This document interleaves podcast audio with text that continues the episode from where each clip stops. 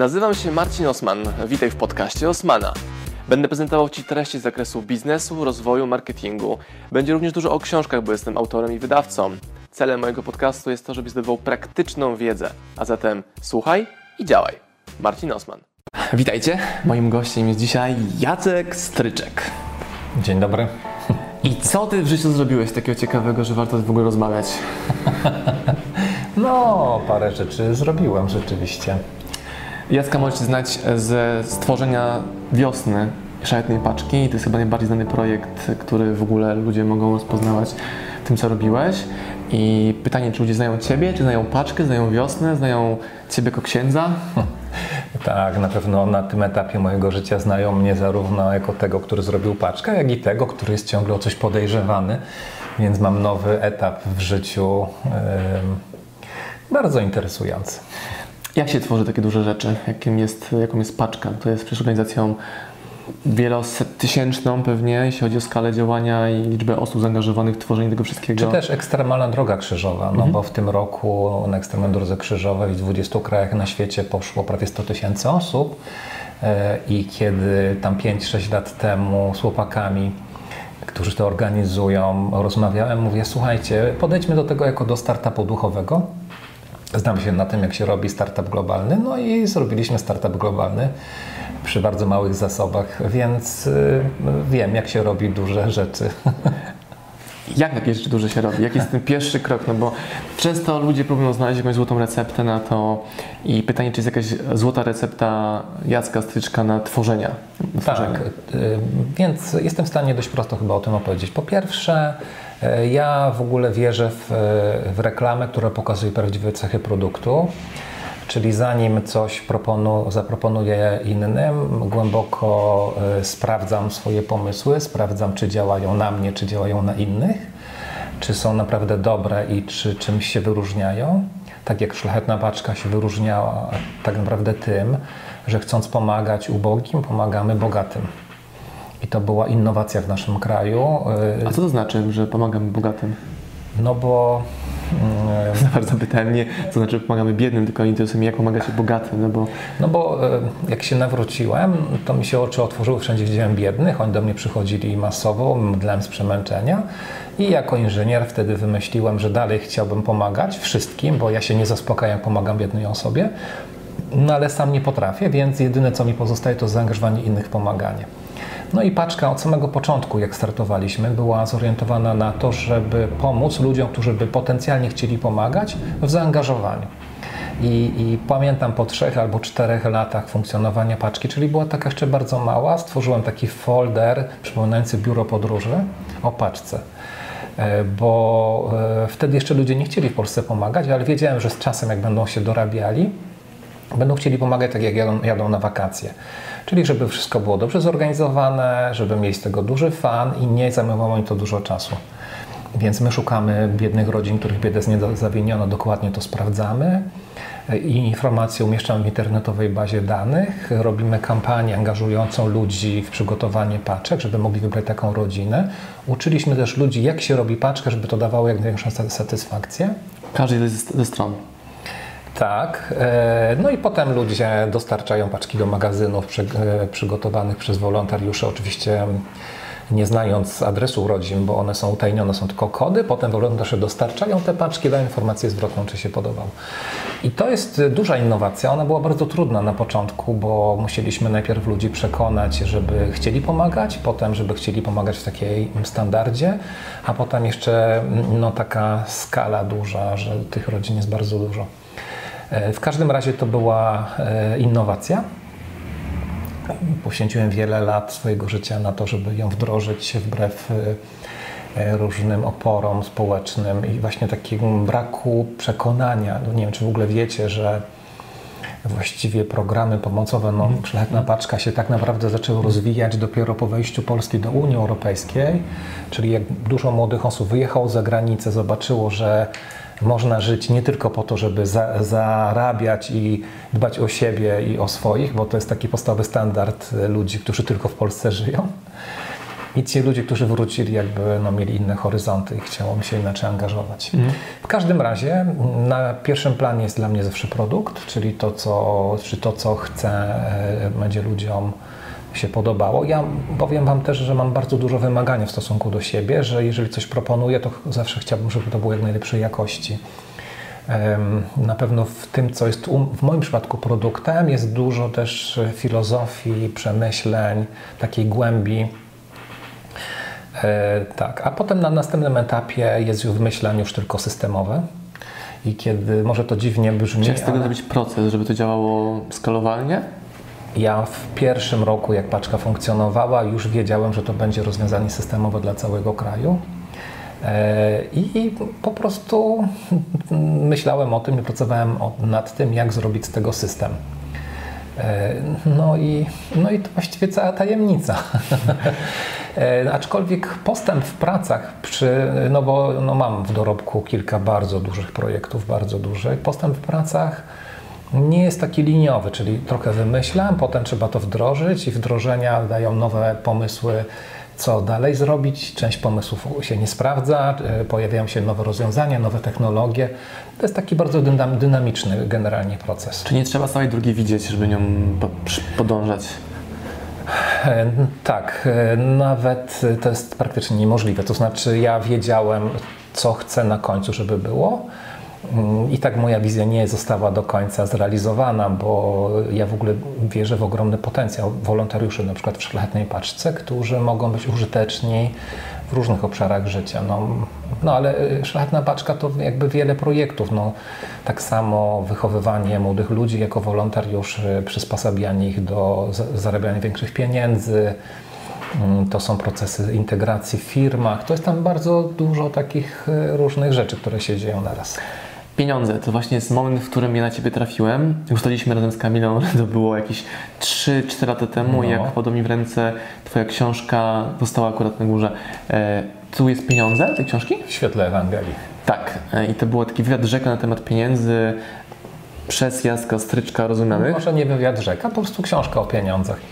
E, tak, w ogóle ja mam w głowie różne e, e, pomysły na książki, zresztą dlatego z Marcinem pracuję. I się śmieją moi widzowie, że zawsze jak widzą jakiegoś widz- e, gościa mi na wywiadzie, to pytają, czy rozmowie, to pytają, kiedy będzie jego książka. No, no, no. Ale, e, ale jak miałem napisać pierwszą książkę, to zadałem sobie pytanie, jaki największy problem mają Polacy. No, żeby też nie tworzyć produktu niepotrzebnego. No doszedłem do wniosku, że największy problem Polacy mają z pieniędzmi, bo wszyscy chcieliby dużo zarabiać i nienawidzą tych, którzy już zarabiają, Czyli nienawidzą samych siebie z przyszłości tak naprawdę. a, a potem będą nienawidzić samych siebie, jak zaczną zarabiać. Tak. Taki jest taki mechanizm e, tutaj jest i, i, i rzeczywiście jak tę książkę przygotowałem, bo pisanie tego typu książki to jest też przygoda, bo kiedy startowałem, być może myślałem, że w tej książce znajdą się różnego rodzaju e, stereotypy czy, czy przemyślenia, które wszędzie naokoło są na temat pieniędzy, ale czym głębiej wchodziłem, no to zacząłem odgrywa, e, od, odkrywać jakby własny żywot pieniędzy też w naszym kraju. E, Na przykład, że kiedyś udzielałem wywiadów w najbardziej topowym piśmie biznesowym w Polsce i redaktor mówi, ale na pewnym etapie mówi tak, ale ci bogaci, czy oni nie powinni pomagać? I ja mówię, że gdzie, jak gdzie, ale jakby ciągle te pieniądze wymagają usprawiedliwienia w Polsce. No bo jak to jest najbardziej topowa, biznesowa, to jak ktoś ma pieniądze, no to czy powinien, czy nie powinien, to jest jego sprawa. Czemu mam się wtrącać, skoro to są jego pieniądze, nie wymagają usprawiedliwienia? No jednak yy, polski, polska mentalność jest taka ba- bardzo podejrzliwa, jeśli chodzi o pieniądze. No pojechałem do Stanów. Po prostu pieniądze są zwykłe. Tak. Tak, i to jest dla mnie w ogóle nieobarczone żadną filozofią i dla mnie dzisiaj pieniądze są zwykłe. Zrobiliśmy taką ankietę kiedyś na ulicy koło y, dworca centralnego w Warszawie. Zapytaliśmy przechodniów, co by było, gdyby rząd wprowadził taki pomysł, że możesz zarabiać maksymalnie 20 tysięcy i wszystko ponad to zabierają ci i budują za to, nie wiem, drogę, przedszkole, nowy, nowy dworzec. I byliśmy ciekawi procentu reakcji ludzi, że super wow, albo tak nie można. I większość osób mówi, no w sumie dobry pomysł, no tak, mogliby wybudować tam przedszkole, dom, y, drogę i coś innego. A co było, gdybyście wy zarabiali teraz te 25 tysięcy, Tak. albo 50, albo 500? No, To najczęściej były reakcje, tyle się nie, nie da zarabiać. A dokładnie. już ktoś wierzył w to, że można, to to chyba bym nie chciał jednak sponsorować tych dróg i mostów i przedszkoli w Polsce. Tak, jakby w, ja w ogóle w moim rozwoju idei pomagania doszedłem do wniosku, że ostatecznie chyba najlepiej jest pomóc ludziom, żeby nauczyli się jak zarabiać więcej. E, Że są osoby, które przejściowo są wykluczone, nie, nie podejmą pracy, bo są chore i tak dalej, i tak dalej, ale e, no pamiętam na przykład, miałem takie spotkanie właśnie związane z, z promocją książki w Rzeszowie i podchodzi do mnie taki gość, około 50, mówi, że pierwszy raz w życiu jest na bezrobociu i co on ma ze sobą zrobić? Ma wyjechać czy zostać? A ja mówię, a ile by pan chciał zarabiać? On tak, tak myśli, po prostu taka burza. No ile, chciałbym powiedzieć więcej, ale więcej może nie zarobi, może mniej. Mówi 1800 na rękę. Ja mówię, to niech pan sobie zada pytanie, gdzie tyle płacą i nauczy się tego, Za co e, płacą? e, tego, za co płacą i będzie pan tyle zarabiał. No i to, to w ogóle ta, sen- te, te, ten przykład to jest w ogóle najprostsza rzecz dotycząca zarabiania, prawda? Najpierw zadaj pytanie sobie, gdzie płacą i co trzeba umieć, żeby ci tyle zapłacili. I, i zero filozofia. Na przykład mało który student wie e, o tym. Student, jak rozmawiam z młodymi ludźmi, którzy idą na studia, to najczęściej wybierają ciekawe kierunki studiów, w ogóle się nie, e, nie interesując, czy, Czy się zarabia, kierunek. czy nie zarabia. A to jest w ogóle lepiej zarabiać dużo i mieć y, pieniądze i potem realizować pasję, niż z pasją studiować, a potem nie mieć pieniędzy. Czyli z pasją studiować wiem, geografię na przykład, znać stolicę każdego państwa, ale nie mieć pieniędzy na to, żeby tam pojechać. Czyli ja pamiętam moje lekcje z ogólniaka, że tam ścigali mnie o nazwy jakichś stolic, państw, granic. Nie wchodziło mi to w do ale No. były, były osoby, które to perfekcyjnie potrafiły. I kilkanaście lat później ja większość z tych miejsc odwiedziłem już. nie do końca znając nazwę lotniska albo przy międzylądowaniu. Nie pamiętam jak dokładnie lotnisko, na którym lądujemy na 15 minut czy pół godziny się nazywa, bo to nie ma żadnego znaczenia. Lecimy dalej. Tak. Czy doświadczenie? Ja e, tak, ja mogę powiedzieć, że uwa- uważam, że lepiej zarabiać więcej niż mniej, a jak komuś to przeszkadza, to niech rozda. Ale ja akurat jestem zwolennikiem studiowania i, i uczenia się. Zresztą do tej pory się cały czas uczę. Sta- Zdawałem ostatnio testy z angielskiego. How was it? How was it? Was it great? Or good enough? to do mnie napisał ostatnio jakiś młody człowiek. Młody człowiek. Jezu, jak ja mówię, że ktoś jest do mnie, ode mnie młodszy, No, młody no, człowiek, no. nie? Mówi, że Jakieś dziecko napisało do ciebie. takie 19-letnie dziecko. No. I Pyta dziecko, e, jak ma znaleźć klientów, jest grafikiem i potrzebuje pilnie pieniędzy. To ja, to ja mówię, że pracuj za darmo przez rok, oferując swoje usługi graficzne każdemu, kto Mhm. tylko tego będzie chciał użyć, bo nawet samo założenie, że ktoś będzie chciał mnie za darmo do roboty wziąć, też jest ciekawą, ciekawym założeniem, nie? Tak. Gdzie ja nie biorę za darmo do pracy pracowników, jeśli oni mają kompetencji. A mówi, nie mam tyle czasu, muszę szybko zarabiać, myślałem, jakąś inną radę mi dasz. Mówię, okej, dobra, więc jak potrzebujesz pieniędzy, to zatrudnij się w McDonaldzie, a po nocach rób projekty graficzne przez rok za darmo i zamień proporcje. Nie, nie, to nie jest dobra rada. Myślałem, że jakąś inną pozyskam. To jakiej innej potrzebowałeś rady? No, jak szybko zarobić pieniądze? No to nie znam takiej rady, wiem jak sk- skutecznie to zrobić, strategicznie.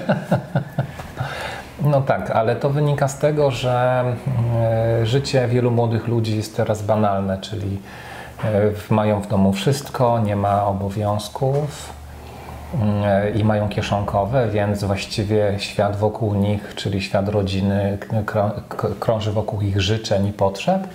I wchodzą na wolny rynek i dokładnie tak samo się zachowują, że mają potrzebę zarabiania, a nie zadają sobie pytania, e, za co ktoś miałby im zapłacić. I ja na szczęście ostatnimi czasy już nie byłem bezpośrednio w procesach rekrutacyjnych, ale to było strasznie stresujące, kiedy kolejne tego typu osoby przychodziły na rekrutację. No to, bo jakby oczywiste jest to, o czym mówisz, że żeby ktoś chciał mi zapłacić, to musi e, czuć, że warto. Czyli, że coś, e, coś wartościowego dla niego wyprodukuje. I rozumiem, że ten rok, o którym powiedziałeś, symboliczny, to jest rok przejścia z tego, że świat się kręci wokół mnie, że ja mam pieniądze i płacę za wszystko, na to, że ja mam coś takiego, za co inni zapłacą. Mhm. Nagrywamy ten materiał w mojej rodzinnej miejscowości. Miałem taką myśl ostatnio, dwa dni temu, że to, z czego wyrosłem, wyjeżdżając dalej z mojej miejscowości, to mm, wyrosłem z języka ofiary, czyli kiedyś, znaczy byłem wychowany, czy wierzyłem w to, że rzeczy, które mi się wydarzają, są przez kogoś robione. Nie mam pieniędzy, ktoś mi nie zapłacił. Nie mam tego, bo ktoś mi czegoś nie dał. I to się nauczyłem podróżując po świecie i doświadczając różnych rzeczy, że nie jestem ofiarą i zamieniłem sobie to na hej, mogę kreować rzeczywistość. Tak. I to często widzę właśnie u ludzi, szczególnie młodych, a nawet nie tylko młodych ludzi, kurczę, że wychodzą z pozycji ofiary, kto- ktoś mi nie dał, ktoś mi zabrał, yy, nie wiem, rząd mi nie dał. Nie wiem, powinno być teraz 1000 plus, a nie 500 plus. Yy, wiesz, tego typu rzeczy. Jak ty rozumiesz yy, taki właśnie temat przejścia do odpowiedzialności za swoje życie? Do sprawczości. Ja jestem w ogóle od lat wychowawcą e, studentów, no nie, nie tylko. Teraz e, często ludzie w czasie studiów nie mają czasu chodzić do duszpasterstwa, czy tam jakiś grup dopiero jak mają tylko pracę, a nie studia i pracę.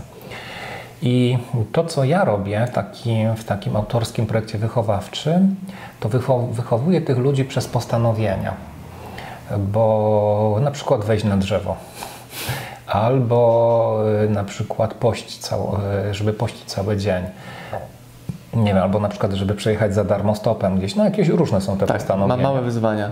Tak, bo jeżeli człowiek podejmie takie wyzwanie, zrobi i ono się zakończy skutecznie, to zaczyna się w nim budować poczucie sprawczości. I pewność siebie też. Tak, i, i ta zmiana jakby, właśnie nauczyłem się, że ta zmiana nie polega na tym, że ja dużo o tym mówię, tylko że ja z nimi dużo praktykuję. I dostają różnego rodzaju narzędzia do tego, aby to wdrażać, czyli proces grupowy, lidera, e, oszałamiające pomysły. Zresztą powód, dla którego wokół mnie przez lata było tak dużo osób, e, e, to jest to, że jak coś robię, to mi wychodzi. Że, że między tym, że robię, a tym, że mam efekt, jest bardzo mała odległość. Tak jest na przykład obecnie w ekstremalnej drodze krzyżowej. Ktoś staje się liderem i nagle patrzy, ma w kościele 200 osób, które chcą wyjść samotnie w ciemną noc, albo ma 2000. No to ma sukces. No i jakby sukces jest najsilniejszym motywatorem do pracy, że robię i mi wychodzi. I jakby ja uważam, że, że z tego biorą się ciekawe, odważne osoby. Ale właśnie mówisz o małych krokach, a ja widzę, że ludzie chcą na przykład nie wiem, przejść na wegetarianizm, nie? Od razu dzisiaj, zamiast stopniowo eliminować ze swojej diety na przykład mięsa. Albo chcą biegać szybciej, chcą przebiec maraton, a nie chcą dzisiaj przebiec 300 metrów. To co mówisz, te małe doświadczenia, dzień postu, a nie miesiąc postu. Tak, tak. Ja, e, ja takim obrazem się posługuję, to sobie wymyśliłem sam, jak byłem studentem na GH. Wyobraźmy sobie, że chcę podnieść e, 100 kg ciężar. No nawet go e, nie, Nie- nie, ruszę, nawet go nie ruszę. E, Ale jeżeli będę codziennie ćwiczył 5-kilogramowymi, a potem podniosę na 10, potem na 20, na 30, to dojdę do 100. I mamy tak jakby te dwie drogi. Jedna, że e, mierzysz się z ogromnym ciężarem i nie drgniesz i szybko się zniechęcisz, a druga, że masz mały sukces. Ale uważam, że mieć, lepiej mieć mały sukces niż dużą porażkę. A ja zauważyłem ostatnio, że jak trenuję ciężary na przykład i chcę podnieść 100, potrafię podnieść 70 tylko, ale szedłem drogą do 70, to mogę przenieść skokiem się na 100 kg. Raz podniosę, raz Tak, wycisnę. tak, tak, tak. Czyli ta droga już jest szybsza wtedy na kolejnym etapie, jest nowa kompetencja. Tak, ale ogólnie jeszcze raz powtórzę, że lepiej mieć mały sukces niż, niż, dużą porażkę, e, bo po, porażki szczególnie duże bardzo zniechęcają, a małe sukcesy doładowują. A jak ty sobie radzisz z porażkami, albo jak ją definiujesz, albo z czym ty teraz się mierzysz? No, ja mam dość duże wyzwanie, o czym wie dużo osób i nie mogę się pogodzić trochę z tym, bo nie lubię przegrywać. Natomiast y, jak, jakby ja patrzę na siebie jako człowieka, który nie jest bardzo zdolny, a równocześnie bardzo dużo wygrał. Y, Nie jest bardzo zdolny, czyli mi tak nigdy y, łatwo nie przychodziło. E, A niektórym się to zdarza tak łatwo, mają talent do czegoś i wychodzi. Tak, tak, tak. Napierdzielasz, wychodzi, ale musisz się na zapierdzielać. Natomiast yy, no dam taki przykład. Yy, Kiedyś mnie znajoma poprosiła, żebym pisał felieton do takiego pisma raz na miesiąc. Mówię, raz na miesiąc. Czy ja sobie po, poradzę? No ale zgodziłem się. No, okazało się, że raz na miesiąc to spoko. Potem pisałem do gazety co tydzień. A teraz jestem w stanie taki felieton napisać 20 minut i kilka dziennie i to nie stanowi dla mnie żadnego problemu. A i to jest dokładnie ta, kiedy mówisz o porażkach, to jakby dla mnie porażka to jest tylko informacja o tym, że nie tędy. E, I to nie jest absolutnie zniechęcające. I jakby moja siła biznesowa też polega na tym, że ja, e, ja nie wiem tylko tego, którędy, tylko ja wiem też, którędy nie warto iść.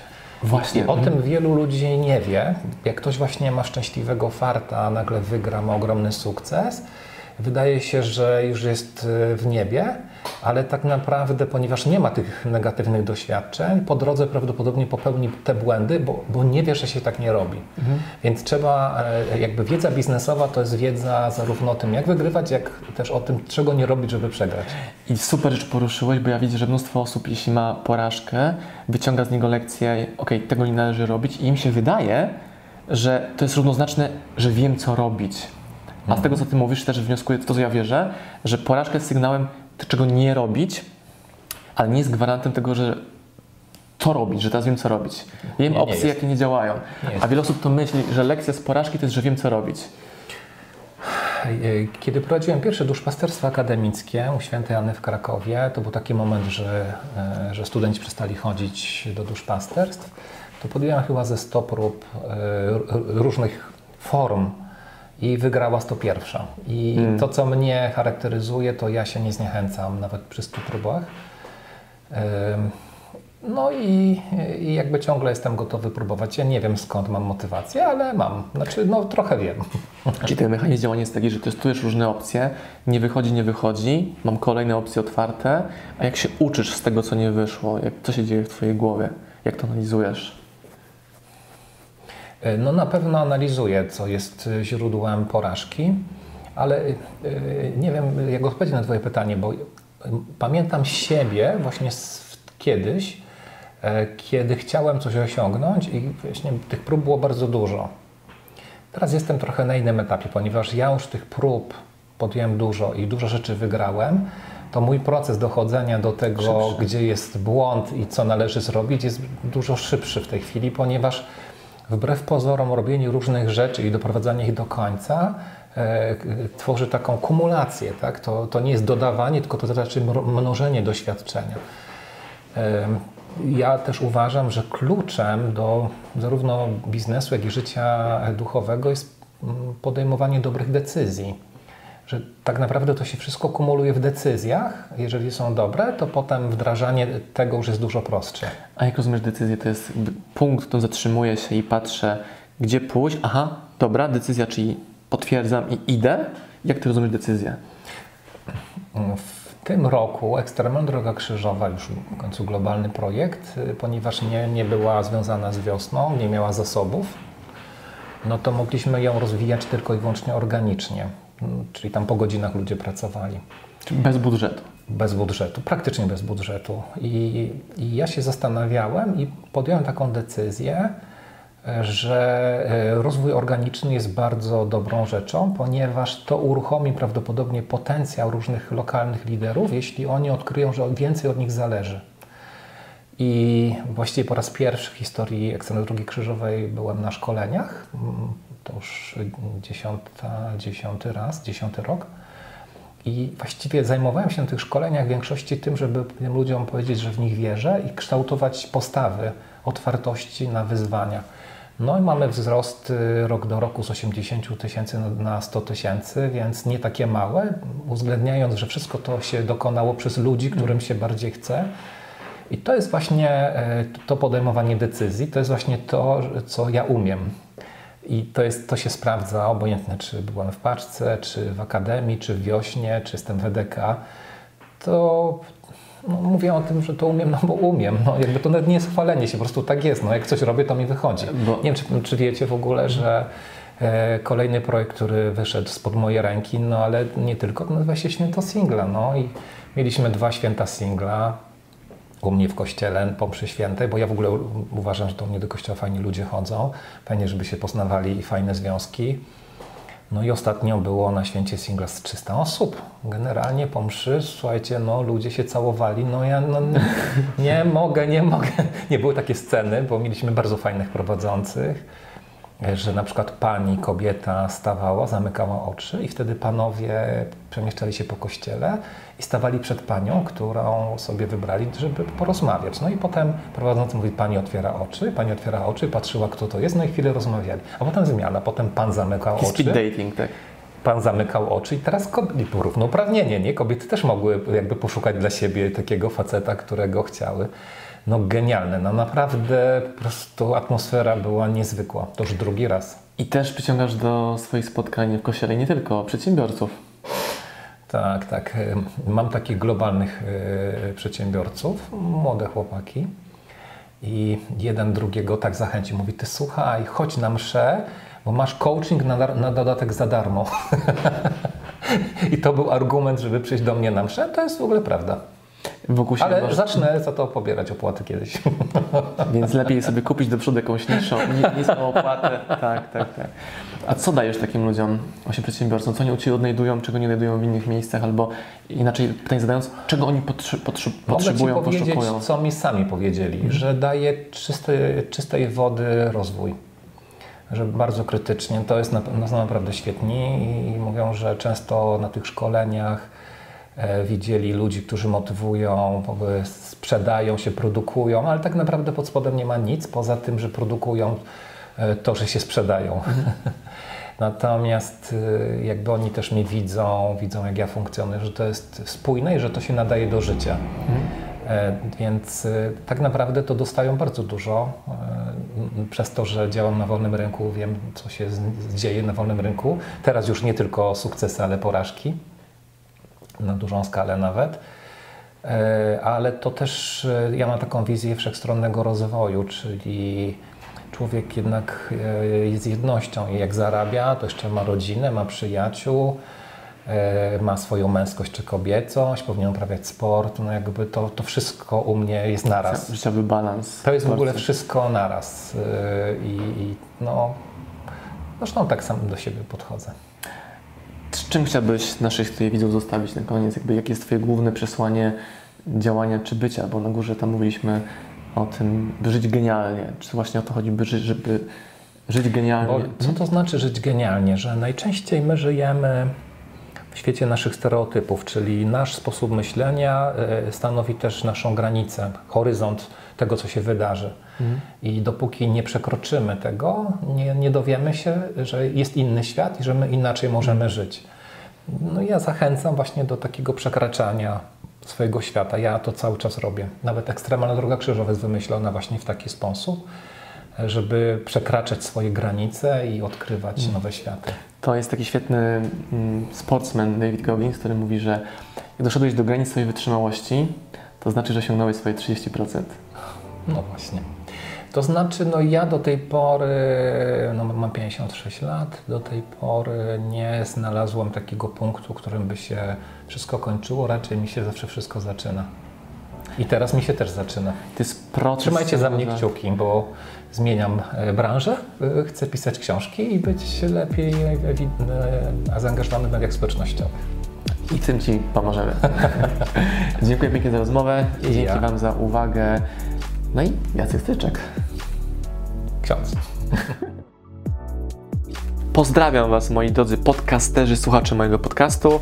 Dziękuję, jestem Wam na maksa wdzięczny za to, że mogę z Wami spędzać czas w podróży, po to, abyście mogli ode mnie się uczyć i ja, żebym mógł budować z Wami relacje, będąc w Waszych uszach, Waszych samochodach, Waszych podróżach.